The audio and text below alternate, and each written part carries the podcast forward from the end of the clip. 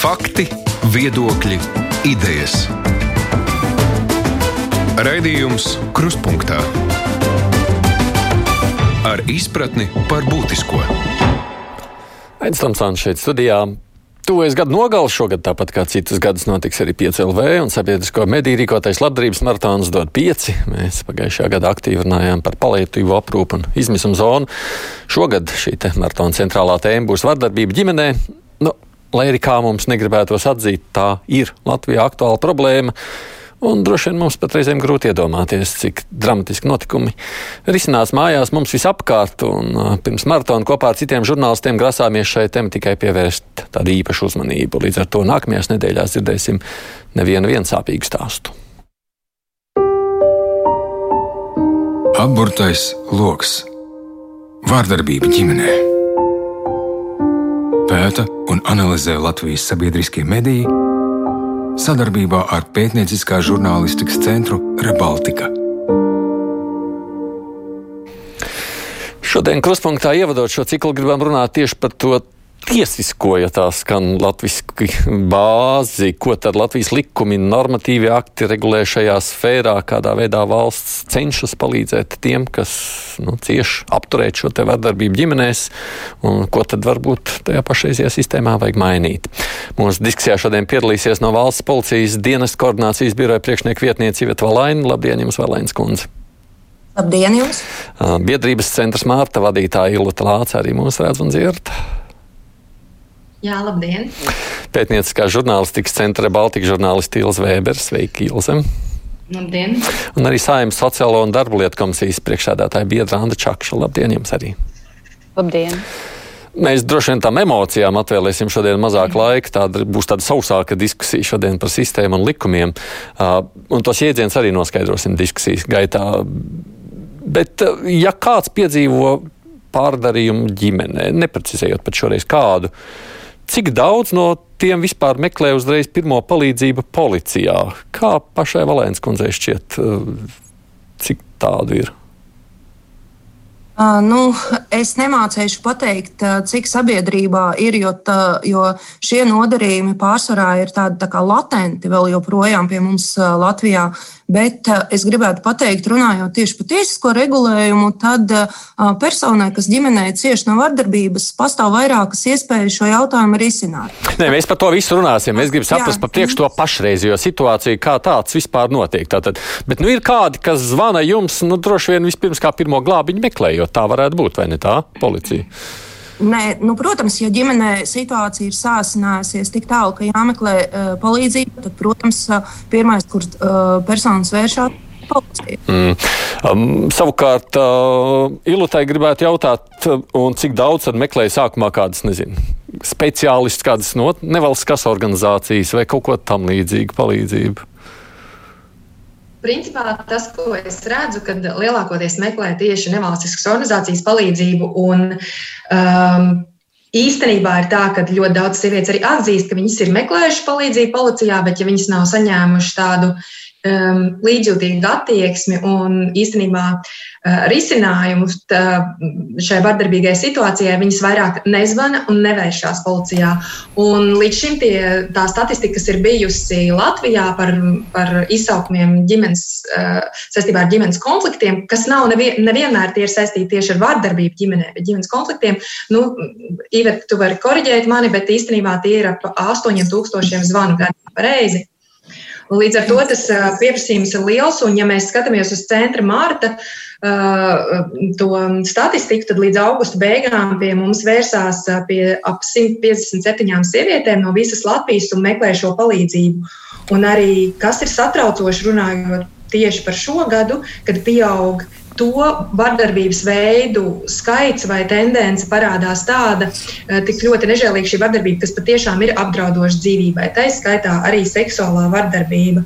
Un, um, Vēl ko sieviete saka attiecībā uz policiju, kad viņas bieži vien nožēlo, ka nav saņēmuši pietiekoši iespaidīgi šīs traumas, uh, un policija nav, jo policija vienkārši nav pietiekošu uzmanību lielu vērsus uz situāciju un nav veikusi nošķiršanu. Kas nozīmē, ja mēs tagad. Jā, jā, jā. jā, kas nozīmē, nu tā aina tāda, ka visbiežāk sāk ar policiju un tad saprot, ka tur neizdodas un meklē kaut kādu palīdzību tālāk. Jāmeklē. Tā, jā. Ja? Gan, gan, gan. gan.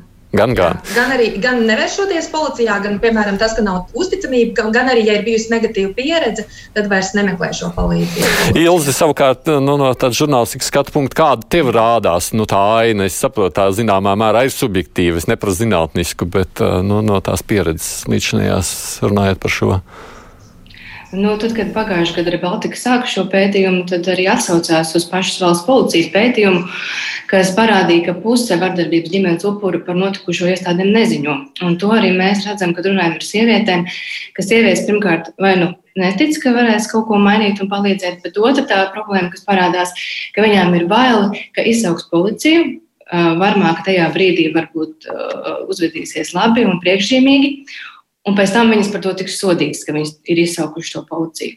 Un to viņas stāsta, tāpēc uh, bieži arī pamato, kāpēc viņām nav, um, kāpēc viņas nav vēršušās policijā vai sociālajos dienestos, vai vispār pēc palīdzības. Un tad viņas kaut kur vai nu vēršas, vai nevēršas vispār nekur jā, nekad, jā? Jā, jā. jā. Nu, bet līdz ar to mēs varētu sacīt tā, nu, viena daļa varbūt mēģina caur kaut kādām, nezinu, paziņām, draudzenēm vai vēl kaut kur meklēt palīdzību, bet viena mēģina caur policiju to sākt. Es arī gribu tomēr Valēns kundzei vēlreiz jautāt, nu, kā jūs raksturot, kāpēc tā situācija tāda veidojas?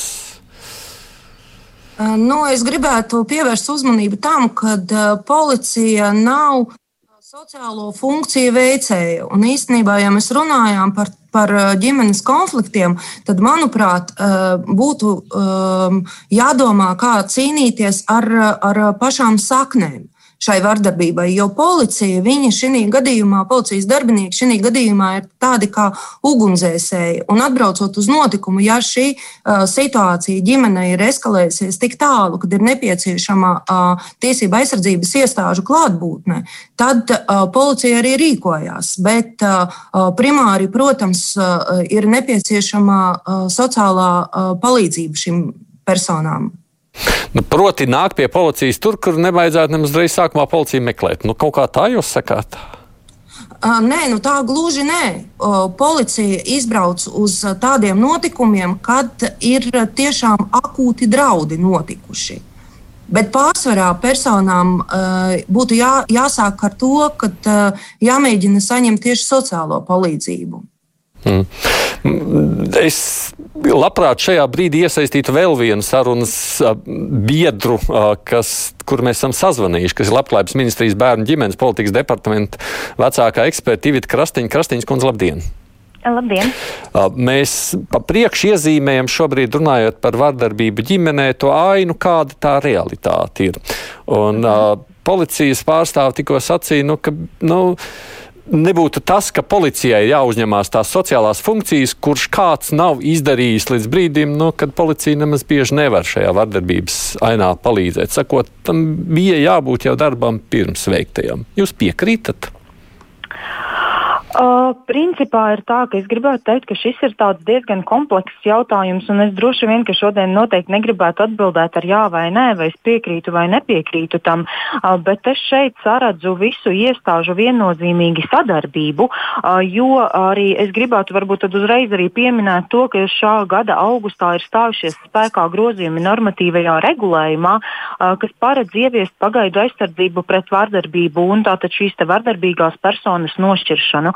Un tur tiešā mērā, protams, šo uzdevumu arī veids vai nu valsts policija, vai nu pašvaldības policija. Protams, viennozīmīgi mēs runājam arī par šo sociālo palīdzību šādām ģimenēm, un lai jau sākotnēji novērstu šos riskus un draudus iespējamai vardarbībai ģimenē.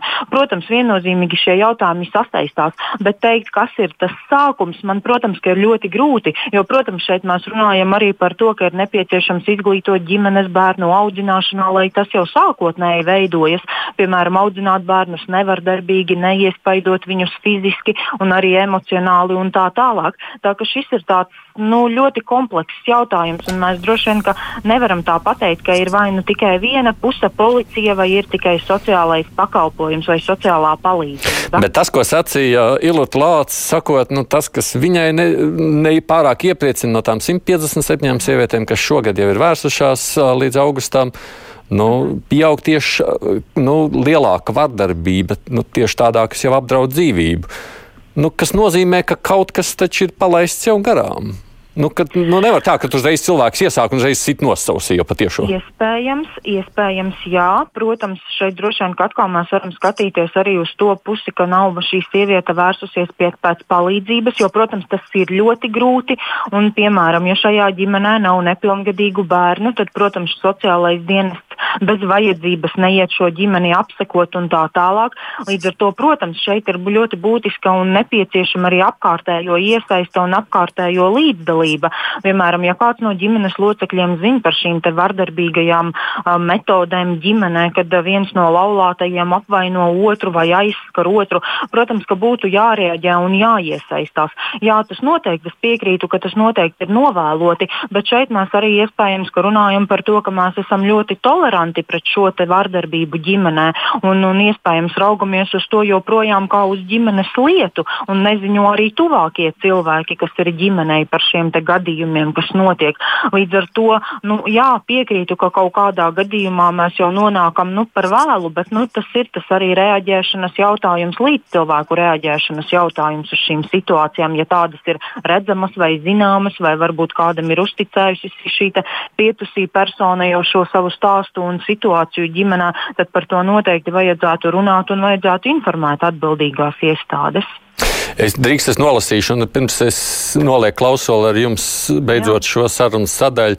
Mums viens klausītājs raksta, nu, te mums jau no rīta puses sievietes sacīja, ka likums paredz vēršanos policijā, pat ja cietusī puse nevēlas veikt kādu sūdzību. Kad tad tas likums tiks ieviests? Es pirms četriem mēnešiem vērsos policijā, gan pašvaldības, gan valsts saistībā ar atkārtotu konstantu vardarbību pret sievieti nu, blakus kaimiņu citā ģimenē, kur policijas darbinieks laipni sacīja, tur neko nevar darīt. Ja cietusī persona pati nevēlas rakstīt iesniegumu, mēs neko nevaram darīt.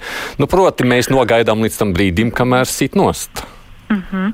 uh, grūti, es negribu arī iejaukties. Varbūt valsts policija var arī nokomentēt nu, konkrētie, konkrēto situācijas aprakstu. Protams, konkrēto lietu nezināsim, bet uh, principā ir tā, ka policija, ja dodas uz šo izsaukumu, un nu, jā, tas ir uz izsaukumu, ja dodas, jo policija, protams, var doties šajā apsekošanā tikai pēc informācijas, un ģimenē viss ir kārtībā. Tajā brīdī nav nekas noticis, un, protams, policija tādā brīdī nevar konstatēt šo faktu, ka ir šīs vardarbīgās labās attiecības ģimenē.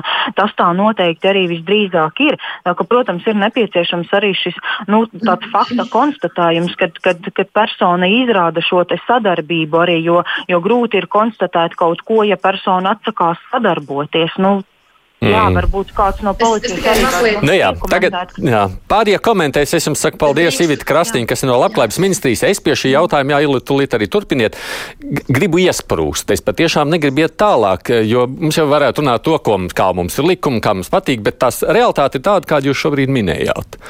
Kāpēc un ko, nu, nu, nu, ko darīt tajā lietas labā, lai mēs to realitāti pagrozītu?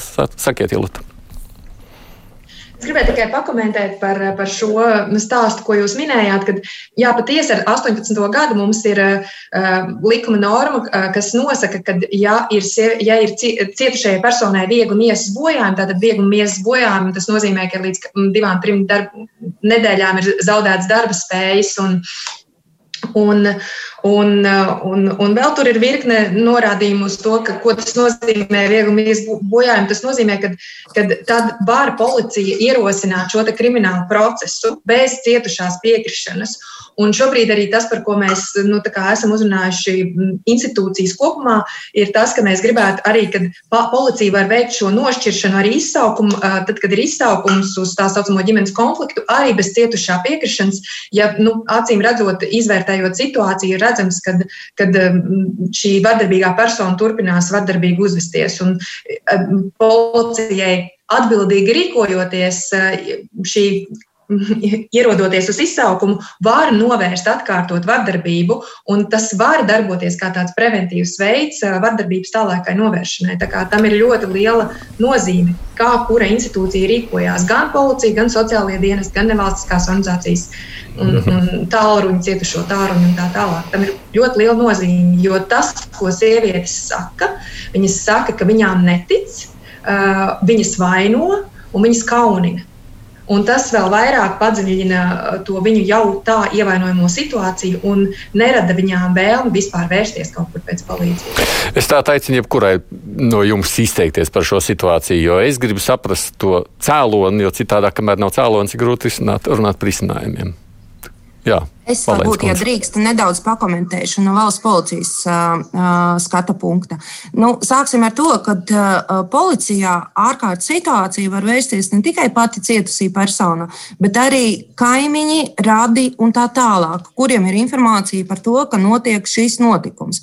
Turklāt policija reaģējot uz notikumu, jā, šobrīd ir tā, ka, lai uh, nošķirtu varmāku no uh, cietušās personas, tad ir nepieciešams cietušās personas personas rakstisks iesniegums, bet varbūt tās nedaudz paējot uz priekšu, es gribētu pieminēt to, ka šogad vasarā, 28. jūlijā, ir grozījumi vardarbības noteikumos un citu starpā ir arī uh, ministra kabineta protokola lēmums, kurā ir dots uzdevums uh, iekšlietu ministrijai sadarbībā ar Tieslietu ministriju un Labklājības ministriju līdz nākamā gada 1. jūlijam izstrādāt priekšlikumus grozījumiem normatīvajos aktos, kas paredz, ka policija var atsevišķos gadījumos nošķirt varmāku arī bez cietušās personas rakstiskā pieteikumā. Nu, tam ir nepieciešams, protams, darbs gan iekšlietu ministrijas, gan tieslietu ministrijas, gan arī labklājības ministrijas atbildīgo personu kopējs darbs, lai saprastu, kā mēs šo regulējumu varam iestrādāt un kā arī pēc tam vērsties pret personām, kas pārkāp šo nošķiršanu un tā tālāk. Tas ir ļoti komplicēts darbs, bet es uzskatu, ka pirmais solis jau ir spērts.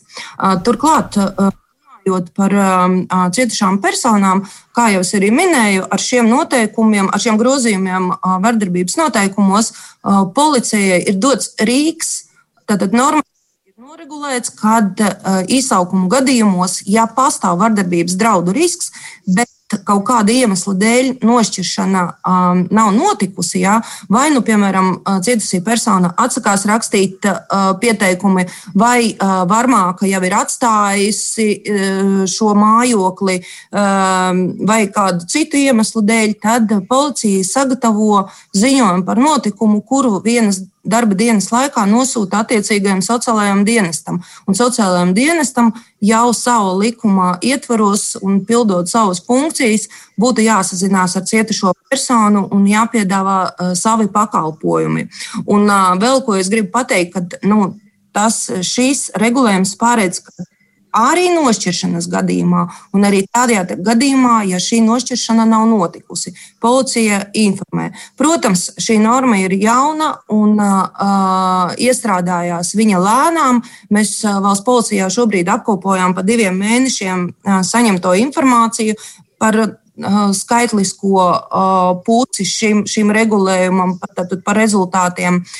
Bet es domāju, ka līdz nākamā gada sākumam jau šīs normas būs skaidrākas visiem, gan valsts policijas darbiniekiem, gan arī pašvaldības policijas darbiniekiem un, un arī sociālajiem darbiniekiem. Un ļoti pareizi ir izteikts, ka starpinstitucionālās sadarbība šajā jautājumā ir, protams, akūti nepieciešama. Mm -hmm. Ņemot vērā, ka jūs pieminējāt pašvaldības policiju, tomēr piedodiet, es zinu, ka Čakšs kundze mm -hmm. netiek pie vārda. Es jūs apzināti mazliet liek nogaidīt. Uh, savukārt mūs esam sazvanījuši arī pašvaldības policiju šobrīd. Uh, pie klausulas mūs, es saprotu, dzird pašlaik Rīgas pašvaldības policijas priekšnieku vietnieku pienākumu izpildītais Andrejs Aronovs. Labdien! Labdien! Runājot par pašvaldības iespējām reaģēt uz vardarbību ģimenē. Ko jūs sakāt? Vajadzētu pašvaldībai nu, dot mazliet brīvākas rokas, nu, kas nu, dot ļaula, ļautu nezinu, pašiem vairāk reaģēt, atļauties brīvāk reaģēt uz šādām vardarbības izsaukumiem? Nu, manā skatījumā te varbūt tās ir jāpiešķir nedaudz plašākas pilnvaras policijas darbiniekiem notikumu vietā. Uh, izvērtēt un, un, un, un virkni situāciju, kur uh, upuris uh, viņam zinām iemeslu dēļ, jeb sociāla-ekonomiskās situācijas dēļ uh, nav īsti gatavs, pieteikt šo pašu pagaidu aizsardzības līdzekli, ka policijas darbiniekam būtu pilnvaras izlemt to jautājumu. Jo ir uh, virkne situācija, tad, kad mēs redzam, teiksim, nu jau atbilstoši pieredzēji, ka tā situācija eskalējas un, un, un, un, un nākamā posmā var būt pavisam tiešām bīstama nu jau dzīvībai. Bet šī persona, kas visu laiku ir pieradusi faktiski dzīvot vardarbības apstākļos, vēl īsti neapjēdzās, jeb šo ir kaut kādi citi iegansti, un persona atsakās no pilnvērtīgas palīdzības, ko var sniegt uh, valstiskās un nevalstiskās organizācijas. Un, ja jums būtu tā iespēja brīvāk rīkoties, tas palīdzētu? Es pieļauju iespēju, ka kaut kādās situācijās viennozīmīgi jāpat policijas darbinieks par spīti tam, ka tā persona grib vai negrib, uh, tomēr pieņemtu lēmumu un nošķirtu potenciālo varmaku. Kaut vai uz dienu, divām varbūt tas mazinātu teiksim, to nu, asinskāri, jeb šo agresiju un, un, un, un, un spētu izglābt Nu, es varbūt skaļi pateikšu, bet es domāju, ka kāda no situācijām tas pats spētu izglābt dzīvību. Mm. Labi, paldies. Es saku pašvaldības, Rīgas pašvaldības policijas priekšnieku vietnieku pienākumu izpildītājam. Es skatos arī vēstulēs, ko cilvēki raksta. Nu, tas iemesls jau, kāpēc šāda situācija varētu veidoties, ir divas. Nu, man viesturs pats saka, viņš izsauca policiju. Vienreiz redzēja, ka sieviete pagalmā sit, nu, kamēr policija atbrauc, tikmēr sieviete jau ir atžirgusi un saka, nē, nē, viss kārtībā, lieciet, mēs tikai kārtojam ģimenes attiecības. Un arī Normons saka, ka tāda situācija bijusi gadījumā, kad cietusī persona izguļot dzērumu, pēc tam sāk vainot policiju dienestu pilnvaru pārsniegšanā. Un tad policija nākošajā reizē jau ir piesardzīgāk reaģēt uz šādiem izsaukumiem. Čakškundze, jūs celāt roku, gribējāt iesaistīties. Nu, lūk, kā jūs redzat, tik cik mēs esam tādu izrunājuši, saprotat, kur ir tā problēma, kāpēc tā sanāk? Jūs zināt, tas tiešām ir ļoti komplekss jautājums. Un es, eh, es patiesībā gribētu sākt varbūt ar pašu augšu, tādā ziņā, ka, ja mēs runājam par konvenciju pret vardarbību, kura būtu jānes ratifikācijai uz saimu eh, labklājības ministrijai, tad tā šobrīd, diemžēl, guļ labklājības ministrijas atvilknē, un mēs nespējam nekādīgi šo konvenciju ratificēt. Un pēc būtības, kur galvenais mērķis šai konvencijai ir eh, pasargāt no vardarbības gan sievietes, gan bērnus. Tātad pret vardarbību ģimenē ir šī konvencija. Tas ir pirmais stāsts. Un to es savēlku kopā ar to, ka, ja mēs runājam par šo normatīvo aktu pārstrādi, kas ir uzdota Tieslietu, iekšlietu un labklājības ministrijām, tad kā mēs varam runāt, ka tur kaut kas ātri notiksies, ja mēs vienlaikus skatāmies, ka šī konvencija guļ labklājības ministrijas atvilknēs. Tā ir viena lieta. Otrs, visās cīņās pret vardarbību, pirmais punkts vienmēr ir minēts nulles tolerants. Tas nozīmē, ka sākot no, no ministriem, ierēdniecības visos līmeņos, mums ir jābūt nulles tolerancē pret vardarbību. Tas nozīmē, ka jāiesaistās katram ikvienā situācijā, kur mēs redzam, ka notiek šī vardarbības situācija. Jo tā, tas izsaukums no policijas uz policiju var būt situācijā, ka tas ir jau ir atkārtoti un ir tiešām jau nāves draudi, bet tā var būt arī pirmreizēja situācija. Un ir jāsaka, ka ļoti bieži cilvēki pat neapzinās. Tā problēma ir tajā, ka neapzinās, ka tas, kas notiek mājās, tā ir vardarbība. Bieži vien sākumā tā ir vienkārši finansiāla vardarbība, verbāla vardarbība, kura pārvēršas kādā brīdī Eh, fiziskā vardarbībā, šis pacients vai šie cilvēki baidās iet pie ārsta, jo ir dzirdējuši, ka tad atbrauks to vardarbīgo pusi arestēt, un pēc tam viņa saņems nu, otru kāvienu. Eh, teiksim, kā tas ir. Eh, līdz ar to šobrīd mums nav izdarīts viss, un es uzskatu, ka konvencija būtu, konvencijas ratifikācija būtu ļoti stiprs instruments, lai mēs kopīgi visām institūcijām saslēdzoties cīnītos pret šīm vardarbīgajām situācijām. Mums nav pietiekamā mēdīju kampaņa, nu, ar, tā, ar to es domāju, tādu uh, izglītojošu stāstu sabiedrībai, kādā veidā mēs katrs varam iesaistīties, lai palīdzētu cīnīties pret vardarbību. Jo uh, vienlaikus, ja mums ir nu, neliels finansējums tiem, kas ir vardarbībā cietuši, tad uh, tiem, kas ir agresori, mums nav iespēja nu, tādai rehabilitācijai. Jo pēc tam, kas notiek, viņi atkal darīs to pašu, jo nu, viņu personībās jau nekas nav mainījies no tā, ka viņi ir nošķirti. Viņi ies un turpinās kaut kur kādu sist vai, vai, vai izpaust savu vardarbību. Tur ir ļoti komplekss jautājums, un, un man, man ļoti grūti klausīties, ka katra institūcija stāsta, kā viņi kaut ko nevar. Tā vietā, lai apsēstos pie galda un šo jautājumu pa soļiem ātri izrisinātu. Paldies. Es atgādinu šeit tātad Jānu Čakšana saimnes sociālā darba lietu komisijas piedalās raidījumā no pētnieciskā žurnālistikas centra Baltika Kils Vēbere, no biedrības centra Mārta Ilot Lāca, no valsts policijas Ivet Valaina. Raidījums Krustpunktā. Nu, par Stambulas konvenciju es neturpināšu to sarunu. Tā, protams, ir atsevišķa tēma, un oh, viņi kļūst par ļoti politisku. Bet klausoties visā tajā, kas ir līdz šim runāts, Ilze, nu, kā tad šķiet? Nu, ko tad darīt? Jeb, ko tev kā žurnālistē, lūkojoties uz visu to, šķiet, būtu jāmēģina lauzt vai mainīt? Pirmkārt, gribētu paturpināt Čakšas kundzes sacīto par šo izglītību un par to, ka pašas cietušās nereti nemaz neatpazīst, ka tā ir vardarbība, kas pret viņiem ir veikta.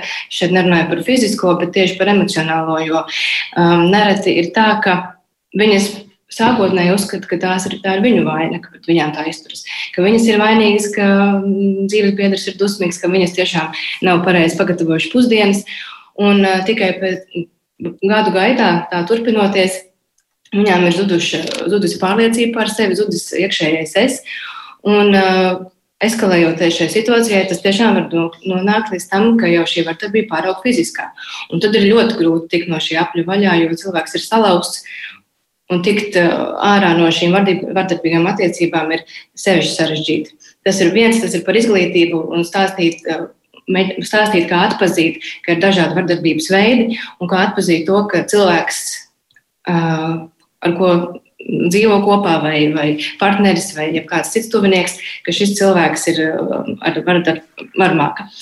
Un otrs arī par, uh, par šiem varmāku rehabilitāciju. Tas tie, mēs pašlaik tieši strādājam pie uh, pētījuma par to, kā uh, pašlaik valstī notiek šī, šī varmāku rehabilitācija, un ir vairāk veidi, kur um, varmāks var vērsties, bet um, Viens ir tas, ka, tu, nu, ka varmākus nosūta tiesa, ja tā ir tās tiesas lēmums, bet tas jau ir probācijas dienestā. Un tad ir tie, tie, tie smagie gadījumi. Otrs ir, ka varmāka var brīvprātīgā kārtā vērsties sociālajā dienestā, jo ir vairāk sociālajā dienestā Latvijā, kas piedāvā šādus sociālās uzvedības korekcijas kursus. Elizabete, es tik tālu neaiziešu Jā. šajā reizē, jo mēs par to noteikti vēl citās kādos raidījumos runāsim.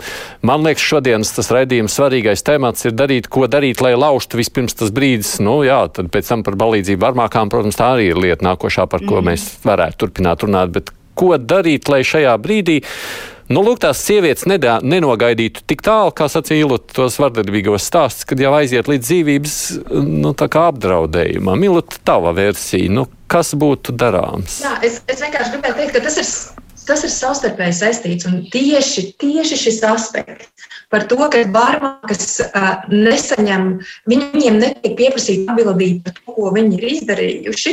Tieši tas, ka viņi var dot, nu, kā teikt, nekas, nu, nekas par to nav, ka viņi ir uh, sakropļojuši sievieti uz mūžu, kad viņi ir uh, sa, samaitājuši dzīvi citiem cilvēkiem.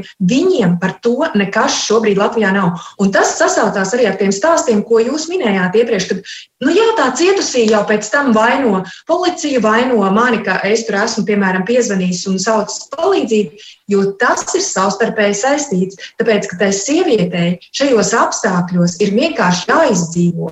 Viņai ir jāizdzīvo ar šo vardarbīgo cilvēku, kurš nekādīgi no viņas netiek, nu, kā teikt, viņa netiek no viņa vaļā.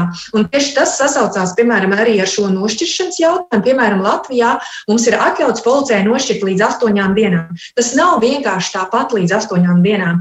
Tas ir tāpēc, ka šajās astoņās dienās, pirmās trīs dienas, ir eh, laiks, kad sieviete patiešām tiešām vēl var aktīvi reaģēt, kad viņi vēl nav sākus to sevis, eh, eh, šos, šīs situācijas kā, attaisnošanu, sevis vainošanu, kad lūk, atkal viņi kaut ko ne tā izdarīja, kāpēc tas cilvēks ir kļuvis vardarbīgs pret viņu. Un šajā laika posmā ir tiešām iespēja tām palīdzošajām institūcijām iesaistīties un darīt kaut ko. Piemēram, citās valstīs, tajā pašā, piemēram, ASV, dažādos štatos šis laiks, ko policija var nu, piešķirt nošķiršanai, ir ļoti dažāds. Dalasā, piemēram, tas ir līdz pat diviem mēnešiem, ja es pareizi atceros. Un, un tad tas ir kaut kāds laika posms, kad tas varmāk tiek turēts nostatus, un kad sieviete var apdomāt, ko es vispār gribu, kā es gribu dzīvot, kas man ir vajadzīgs, kas man ir nepieciešams, ko man mainīt. Jā, varbūt tiešām pagaida aizsardzība tiesai jāprasa un tā tālāk. Tieši tāpēc nu, ir ļoti svarīgi iedot šo attēlu un prasīt atbildību no vardarbīgās personas. Bet kas notiek Latvijā? Mēs uzliekam atbildību uz cietušās personas. Mēs visu laiku prasām sociālie dienesti, bāriņu tiesas. Viņas prasa sievietē pierādīt, ka viņa spēj parūpēties par bērniem, ka lūk, viņa nav vardarbīga par bērniem, pret bērniem un tā tālāk. Un tā tālāk. Viņai ir milzīgs pierādīt, kāda viņai ir ienākumi un tā tālāk, vai viņa spēj parūpēties un tā tālāk. Un tā tālāk vēl uh, kārtot tikšanās ar varmā zemākām, kas joprojām tiek nodrošināts. Un tur ir ļoti daudz dažādu niansētu aspektu, kas nu, uzliek šo slogu. Atkal tai, nu, mūsu gadījumā centrs Mārta strādā ar šīm sievietēm, kas ir cietušas no vardarbības, kas uzliek šo slogu atkal cietušajai personai, nevis tai personai, kurai ir jāatbild par šo rīcību. Un, un, un ar to tas ir saistīts. Un, nu, jā, varētu turpināt. Tā kā es šobrīd esmu saklausījis tādas divas lietas no jums līdz šim. Pilnvaras, lielākas iespējas, ja brīvākas rokas dot policijai, un otrkārt, nu, ļaut arī striktāk rīkoties. Tā. Trešais kaut kādā mērā to pārliekot uz, kā, uz kāpleciem, kādā veidā uz kāpleciem. Un šeit es tā kā nesapratu. Nu, principā prasīt atbildību No?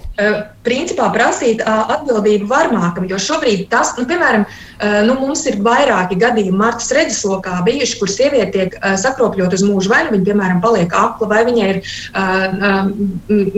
sakropļots kāds viņas, nu, nu, nu vecākot, zelta mhm. ķermeņa daļa un tā tālāk. Un par to šis varmāka, nu, nes, viņš nenes nekādu atbildību. Nekādu.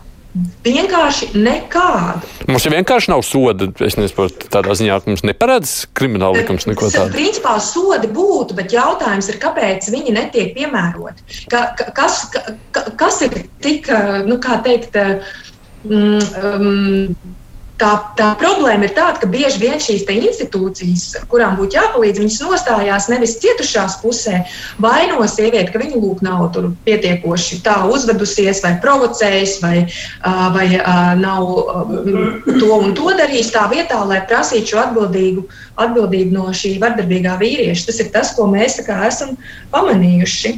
Hmm. Un tas, ka, piemēram, šīm, eh, ja ģimenēs ir bērni, tad tas ir kā mūsu speciālists saka, tad vardarbīgiem vīrietim ir vienkārši brīvbiļeti sievietes dzīvē, un, un viņš visu laiku var nu, viņas eh, dzīvi ietekmēt, manipulējot, pieprasot šīs tikšanās ar bērniem. Ja viņš ir turīgāks, tad uzrādot visādas lietas, ka viņš labāk var parūpēties par bērniem. Līdz ar to sieviete, kas jau ir ekonomiski ievainojamā situācijā, viņa ir fiziski ietekmēta, viņa ir psiholoģiski ietekmēta. Uh, Viņa ir neapskaužamā situācijā, bet tāpat laikā institūcijas prasa daudz visādas lietas un atbildības tieši no šīs cietušās personas. Jā, tā vietā, lai, mm. lai šo atbildību pārliktu un prasītu, kāpēc. Papildinot. Jā. Tikai to, ka ļoti bieži mēģina runāt uzreiz, tad, kad mēs runājam par vardarbību, par ļoti zemu sociālo slāni, par to, ka tur vienmēr ir iesaistīts alkohols un tādas lietas. Bet vardarbība notiek ļoti dažādu slāņu ģimenēs, un ir jāsaprot, ka tie vardarbīgākie gadījumi nevienmēr ir saistīti ar, ar, ar sociālo līmeni. Tas notiek tiešām ļoti pārtikušās ģimenēs, un tur sievietēm ir lielāks kauns iznākt ārā ar to, ka viņa ģimenē tiek fiziski iespaidota. Un un iespējams jādomā par sistēmu, un, un viņām arī ir grūti aiziet uz sociālo dienestu pēc palīdzības vai vēl kaut kur. Tur ir ļoti liels kauns, un tādēļ iespējams jādomā arī par kādu anonīmu sistēmu vai vairāk jāatbalsta nevalstiskās organizācijas, mm. lai šīs sievietes var vispār iziet un palūgt šo palīdzību. Nu, Protams, jūs sakāt, ka tā anonīmās sistēmas nav. Es vienkārši par to anonimitāti. Šīs anonīmās sistēmas nav, jo, ja mēs gribam, nu, piemēram, centra smarta uh, um, Saistībā ar katru cietušo um, mums ir iespējams piesaistīt 50% no valsts finansējuma rehabilitācijai, uh, bet tie ir 50%, otrs 50% mums jāatrod no ziedotājiem. Uh, bet vienalga mums ir nu, jādod šī informācija, dati uh, par šo sievieti atbilstoši noteiktiem sociāliem dienestiem. Un ļoti daudz sievietes, atsa, nu, ir sievietes, kas atsakās, kas nevēlas uh, savus datus kaut kur nodot. Līdz ar to viņas tad, tad mums, kā Mārtas centram, ir daudz lielāka atbildība piesaistīt resursus, lai mēs šo rehabilitāciju vispār varētu nodrošināt. Un, un tas ir liels, liels izaicinājums, tāpēc, ka mēs esam nevalstiska organizācija un mums ir tā jau ļoti grūti piesaistīt resursus tam darbam, ko mēs jau darām. Anonimitāte nav jā. šobrīd. Nu, šis ir tas jautājums, kas nākošais, par ko būtu jārunā virziens, kādā veidā stiprināt šādas nevalstiskās organizācijas, jā, kuras var sniegt palīdzību. Iespējams, nu, viņas var sniegt to palīdzību, ko policija nevar sniegt tajā brīdī, jo policija jau patiešām reaģē uz ļoti konkrēto izsaukumu. Kas vēl ir no tām lietām? Zīmējam tā, visas tās tos vājos punktus, kuros vajadzētu tālāk skatīties, strādāt. Nu, runājot par naudu, es pat nezinu, ko tur var sacīt. Viesturs saka, viņš jau ir daudzām sievietēm runājis. Viņas saka, viņām jau nav kur iet, jo viņas ir atkarīgas no vīriešu finansiāli. Tāds ir 90% mm. gadījumu. Sociālie dzīvokļi, tātad iespēja, ka pašvaldībai ir, kur šādu sievieti izmitināt eh, situācijās, kad ir notikusi vardarbība, eh, tā arī ir, kas nav patiesībā dārgas izmaksas, jo reizēm šo sievieti vienkārši jāpārceļ uz citu reģionu centru vai nu, uz, citu reģionu, lai varmāka nevar viņai piekļūt un viņa var nu, uzsākt savu individuālu dzīvi citā vietā. Un tam būtu nepieciešami nu, dzīves telpa, kur viņai to sāk darīt. Tas, protams, būtu iesaistot pašvaldības, es domāju, bet tā ir tāda viena lieta, kas noteikti noderētu. Otrs, ka šobrīd tiešām, ja sieviete nu, patiesībā mēs runājam par jebkuru dzimumu, eh, bet biežāk tās ir sievietes eh, vēršas ārstniecības iestādē. Eh, jāsaprot, te ir arī bijuši pēt, pētījumi par to, ka viņas baidās iet pēc medicīniskās palīdzības, jo, tā, jo ārstniecības personām ir jāziņo policijai, un kā atkal šī anonimitāte, ka viņas tomēr dotos pēc šīs palīdzības, nevis mēģinātu savus brūces pašas uh, dziedēt. Un ka policijai arī varbūt būtu vairāk iz, izglītības vai papildus apmācība. Un uzdevums nevis piedāvāt nošķiršanu, bet to veikt, uh, lai nav tā, ka uh, nu, šis pāris nu, kaut kādā veidā tomēr atkal paliek kopā un, un vardarbība turpinās.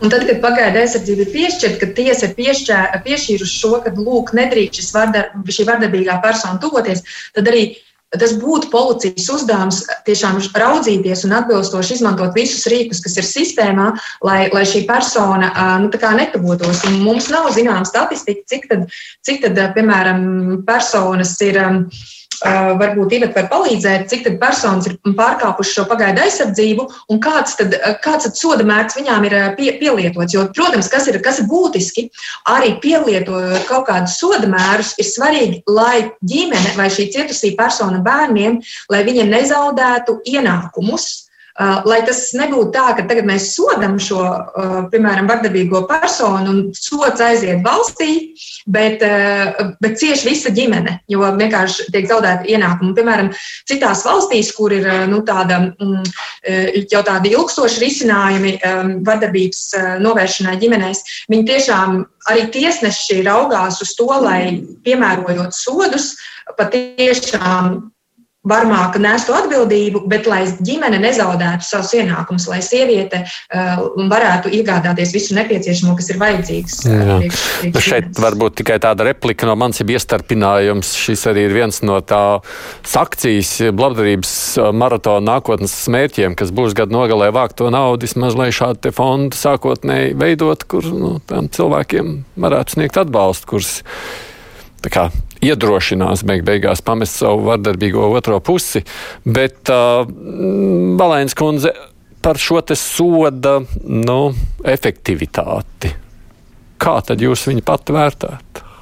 Nu jā, es ko varu pateikt, to, ka, ja ir tiesa pieņemas lēmumu par pagaidu aizsardzību pret vardarbību, tad ilgstošam periodam tam varmākam būs aizliegts tuvoties cietušai personai. Un šādi tiesas lēmumi, viņa izpildes kontrolē, tiek nosūtīti attiecīgi valsts policijai. Pašvaldības policija šeit netiek iesaistīta. Gribēju papildināt tikai to, ka valsts policija aktīvu kontroli neveic bet valsts policija reaģē tikai uz saņemto informāciju. Tas nevajadzētu, nav tā tikai no cietušās personas, arī vai nu pildot savus pienākumus, vai arī no blakus esošām personām. Nu, šobrīd es vienkārši man priekšā ir statistika, es tā pavēroju apmēram 3000 šobrīd ir aktīvie tiesas lēmumi par pagaidu aizsardzību pret vardarbību policijai, izpildes kontrolēji. Un šogad, tātad pa deviņiem mēnešiem, ir konstatēti gandrīz 400 pārkāpumi šo lēmumu. Un no tiem gandrīz 400 pārkāpumu, 300 uh, konstatēto pārkāpumu, 350 gadījumos ir uzsākti krimināli procesi. Jo krimināla likums mums paredz atbildību tieši par pagaidu pret vardarbību nepildīšanu. Bet saskaņā ar kriminālu likumu šīs ir krimināla pārkāpuma Tātad, nu, mazāk sodāms pārkāpums, jā, par ko ir paredzēts vai nu naudas sots, vai nu piespiedu darbs, vai nu īslaicīgi brīvība. Nu, kas attiecās uz sodītām personām, tas laikam ir jāprasa attiecīgi tiesām, tiesnām aģentūrai vai tieslietu ministrijai, bet, ja, cik es zinu, tad pārsvarā tiesas šādos gadījumos piemēro tieši piespiedu darbu. Jo, lai piemērotu naudas sodu, tad ir jāizvērtē attiecīgās personas finansiālais stāvoklis. Un visefektīvākais šajā gadījumā tiesa uzskata, ka tas ir piespiedu darbs. Jā, ir vēroti gadījumi, it sevišķi tas ir ārpus Rīgas, tādi, kad personai četras un piecas reizes gadā ir piemērots piespiedu darbs par mm. Vienkārši. Klausoties jau tajā visā, ko es sadzirdu, nu, tas iemesls jau, kāpēc tiešām sievietēm ir bail, jo viņas zina, ka tas sots jau tur neko daudz tāds nesekos, jo būs tikai atriebība vēl lielāka un jēgas jau nekādas lielas nav no šīs uzliktās. Nu, nu, redziet, grūti pateikt, jo tad, kad strādāja šo normu krimināla likumā, protams, to visu skatīja kopsakarā. Un ņemot vērā, ka krimināla likumā mums vispār soda slieksnis ir pazemināts arī par citiem pārkāpumiem. Un, protams, pret personu vērsts noziedzīgs nodarījums, tas, tas ir nopietns pasākums, jā, bet salīdzinoši ar citiem noziedzīgiem nodarījumiem nu, mēs nevaram pateikt, ka šis ir tas noziedzīgs nodarījums, par kuru būtu jāpiemēro desmit gadu brīvības atņemšana. Vienkārši kopsakarā skatoties citiem krimināla likumā uh, norādītajiem noziedzīgiem nodarījumiem. Es vēl, kamēr es esmu pie vārda, pateikt, uh, ka uh, ir ļoti tendence uh, parādījusies cita, ka mums, jā, protams, pārsvarā cieši sievietes no vardarbības, ja, bet arī uh, to uh, cietušo sieviešu skaitā uh, uh, arvien vairāk palielinās tie gadījumi. Cietusī sieviete nav klasiskā partnerības um, um, nu, teiksim, nu, situācija vīra vai no kopdzīvotāja. Mums, diemžēl, ļoti uh, bieži cieša mammas un vecmāmas no dēliem un mazdēliem. Vienkārši mēs analizējot tieši nošķiršanas gadījumus, te iet runa, kur tiešām cietusī persona ir uzrakstījusi šos, šo pieteikumu, ir ļoti daudz vecmāmas un māmas cietušas no mazdēliem un dēliem. Nerunājot jau par tiem gadījumiem, kur vārdarbība ir notikusi, bet cietusie persona ir atteikusies no uh, pieteikuma uzrakstīšanas pagaidu aizsardzībai. Nu, un, protams, ir tādi gadījumi, kad mums uh, uh, cietušās uh, personas lomā arī ir kungi. Ja? Pārsvarā, protams, tie ir tēvi no dēliem, bet arī ir. Uh, vērojami gadījumi, kad cieš partneri no partnerēm. Mm, jā, jā. Nē, nu, ir arī tādi gadījumi, mums ir šādi raksta. Es, es visiem aspektiem, es klausītājiem saku, es visiem aspektiem nepievērsīšos, nemaz nav iespējams. Man te nāk vairākas visas šīs lietas, par kurām vajadzētu runāt. Es pieļauju, ka par sodiem būtu vēl viena atsevišķa saruna īstenībā jā, jāveido, bet nu, es gribu mazliet tomēr, ja ļauj tas laiks mazliet pievērsties vēl tam vienam as aspektam, kas ir šajā kontekstā jā jāpiemina, man Zemīša kungs rakstā, es esmu iesaistīts situācijā, ka pret mani draudzini ir vērsta emocionālā vardarbība no bijušā vīra puses, jo viņiem ir kopējais bērns, un tiek sūtīts neskaitāms aizvainojušas ziņas, publikācijas sociālajos tīklos. Uh, bet, nu, ja tu ej pie valsts policijas, viņi saka, nu, jums vienkārši bloķējiet tās ziņas, nu, ko vairāk. Nu, proti, mums jau vēl ir šis aspekts uz emocionālo vardarbību, jau mēs vispār laikam likumiski nekā īsti tā nereaģējam, vai ne? Es skatos, visi jūs te mājat ar galvu, izņemot Olēnas. Nu, tā, tā gluži varbūt nav. Jā, jo mēs jau saprotam, ka policija par, ar, ar savu nošķiršanas regulējumu, protams, dzēš Uh, tos gadījumus, ja, kur ir tieši vardarbības draudz, tātad draudz dzīvībai, veselībai. Nu, klasiski rēģējot uz fizisko vardarbību, bet mēs visi saprotam, ko nozīmē vardarbība kā tāda. Un jebkurā brīdī šī emocionālā vardarbība var pārtapt par fizisko vardarbību. Ja. Nu, šī gadījumā Pieminētajā gadījumā, protams, personai ir jāvēršās tiesā ar pagaidu aizsardzību, ar, ar, ar lūgumu piemēroto pagaidu aizsardzību, bet tam vēl tiesas izskata šos jautājumus ļoti ātri. Maksimums trīs dienu laikā, ja nav nepieciešama papildus pierādījumi, tiesas lēmums jau ir gatavs. Un šī gadījumā viņš tiek nosūtīts attiecīgi valsts policijai, un atkal par šo pārkāpumu jau ir paredzēta krimināla atbildība. Es ļoti ceru, ka ļoti daudzus varmākus apturēs tieši bailes no krimināla atbildības. Vilzē, es gribētu tavu komentāru dzirdēt par šo tieši. Emocionāli? Jā, un vai tur vajag un var kaut ko darīt vairāk Latvijā? To Protams, tur vajag darīt, jo to ir ļoti grūti pierādīt. Vai nav pat likums atsevišķs, kas attiecas uz emocionālo vardarbību, to paliek apakšā zem citiem likumiem. Šī joma ir mums ļoti maz attīstīta un maz skatīta, un kā to atzīt, kā to pierādīt, pie tā ir jāstrādā noteikti. Mm. Es domājot par to, ko visa no visa tā, ko mēs šeit varam izvilkt, nu, es, ne, es neslēpšu, man nāk daži vīrieši ēpas, sakot, nu, ka tur jau sievietes izprovocē, nu, viena pagale nedeg un tam līdzīgi šie aspekti, kurus, par kuriem mēs te varētu droši vien izvērsties krietni tālāk. Bet skatoties uz visu to kopumā, Čakškundze, jūs redzat, ka tas ir ļoti labs aspekts, ko jūs tikko minējāt. Vienkārši tā ir klasika. Patiesībā pret vardarbību būtu jācīnās vīriešiem, nevis sievietēm. Jo man liekas, ka vai, vai tiešām tas ir sieviešu, ja mēs tā skatāmies, Jā. darbs cīnīties pret vardarbību. Un, ja vīrieši saka, ka viņa izprovocēja, vai viņai bija par īsu svārki, vai, vai viņa kaut ko ne tā paskatījās, ne tā saprata, vai tiešām mēs varam uz to nopietni raudzīties. Nu, ja mēs, ja mēs runājam par to nulles toleranci, tam ir jābūt no abu dzimumu puses. Tas nav stāsts tikai par sievietēm. Jo tad, kad dēls piekauj tēvu, tad ko teikt? Viņam arī bija par īsu svārku. Bet redziet, nu, jūs esat... brīžos tomēr kļūst emocionāli. Tā nu sanāk, manā diskusijā piedalās tikai sievietes. nu, tā jā, nu, sanāk, tā, redziet. Tad atkal tikai sievietes. Nē, man frakcijā ir uh, Rihards Kozlovskis un Inns Čūzis, kuri palīdz man un cīnās jā. arī nu, lūk, tagad man es, gribētos, lai viņi vairāk Es pie šī tagad arī gribu pieķerties. Jūs redzat kaut ko no visa tā, ko mēs šodien runājam, droši vien runāsim vēl daudz, nu, ka vajadzētu pārskatīt mums un ķerties klāt arī aktīvāk jums kā likumdevējiem pie šīs tematikas?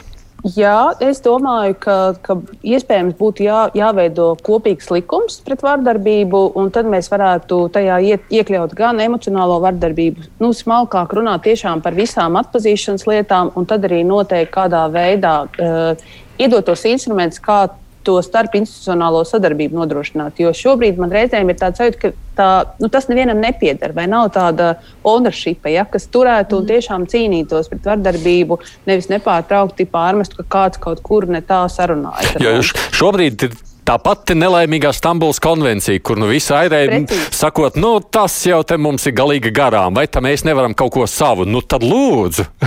nu, nevaram savu, savu, kā redzam, nevaram. Ja, ja mm. to visā Eiropā ir pierādījuši, ka tas palīdz cīņai pret vardarbību, tad kāpēc mums ir jāizdomā divritenis vēlreiz? Ja līdz ar to mēs iegūstam palīdzību no ārpuses, kā izstrādāt sistēmas gan iekšlietām, gan labklājībai. Iegūstot arī, nu, Grēvijo visi baidās no šīs uzraudzības. Atbrauks un pateiks, ka nu, mums jā jādara kaut kas pilnīgi jocīgs. Nu, nē, es domāju, ka šādas ārpus rekomendācijas tiešām palīdz un, un ir kā labi instrumenti cīņā pret vārdu. Tā, kurš vēl grib piebilst uh, noslēguma vārdus visu vis šīs mūsdienas sarunas?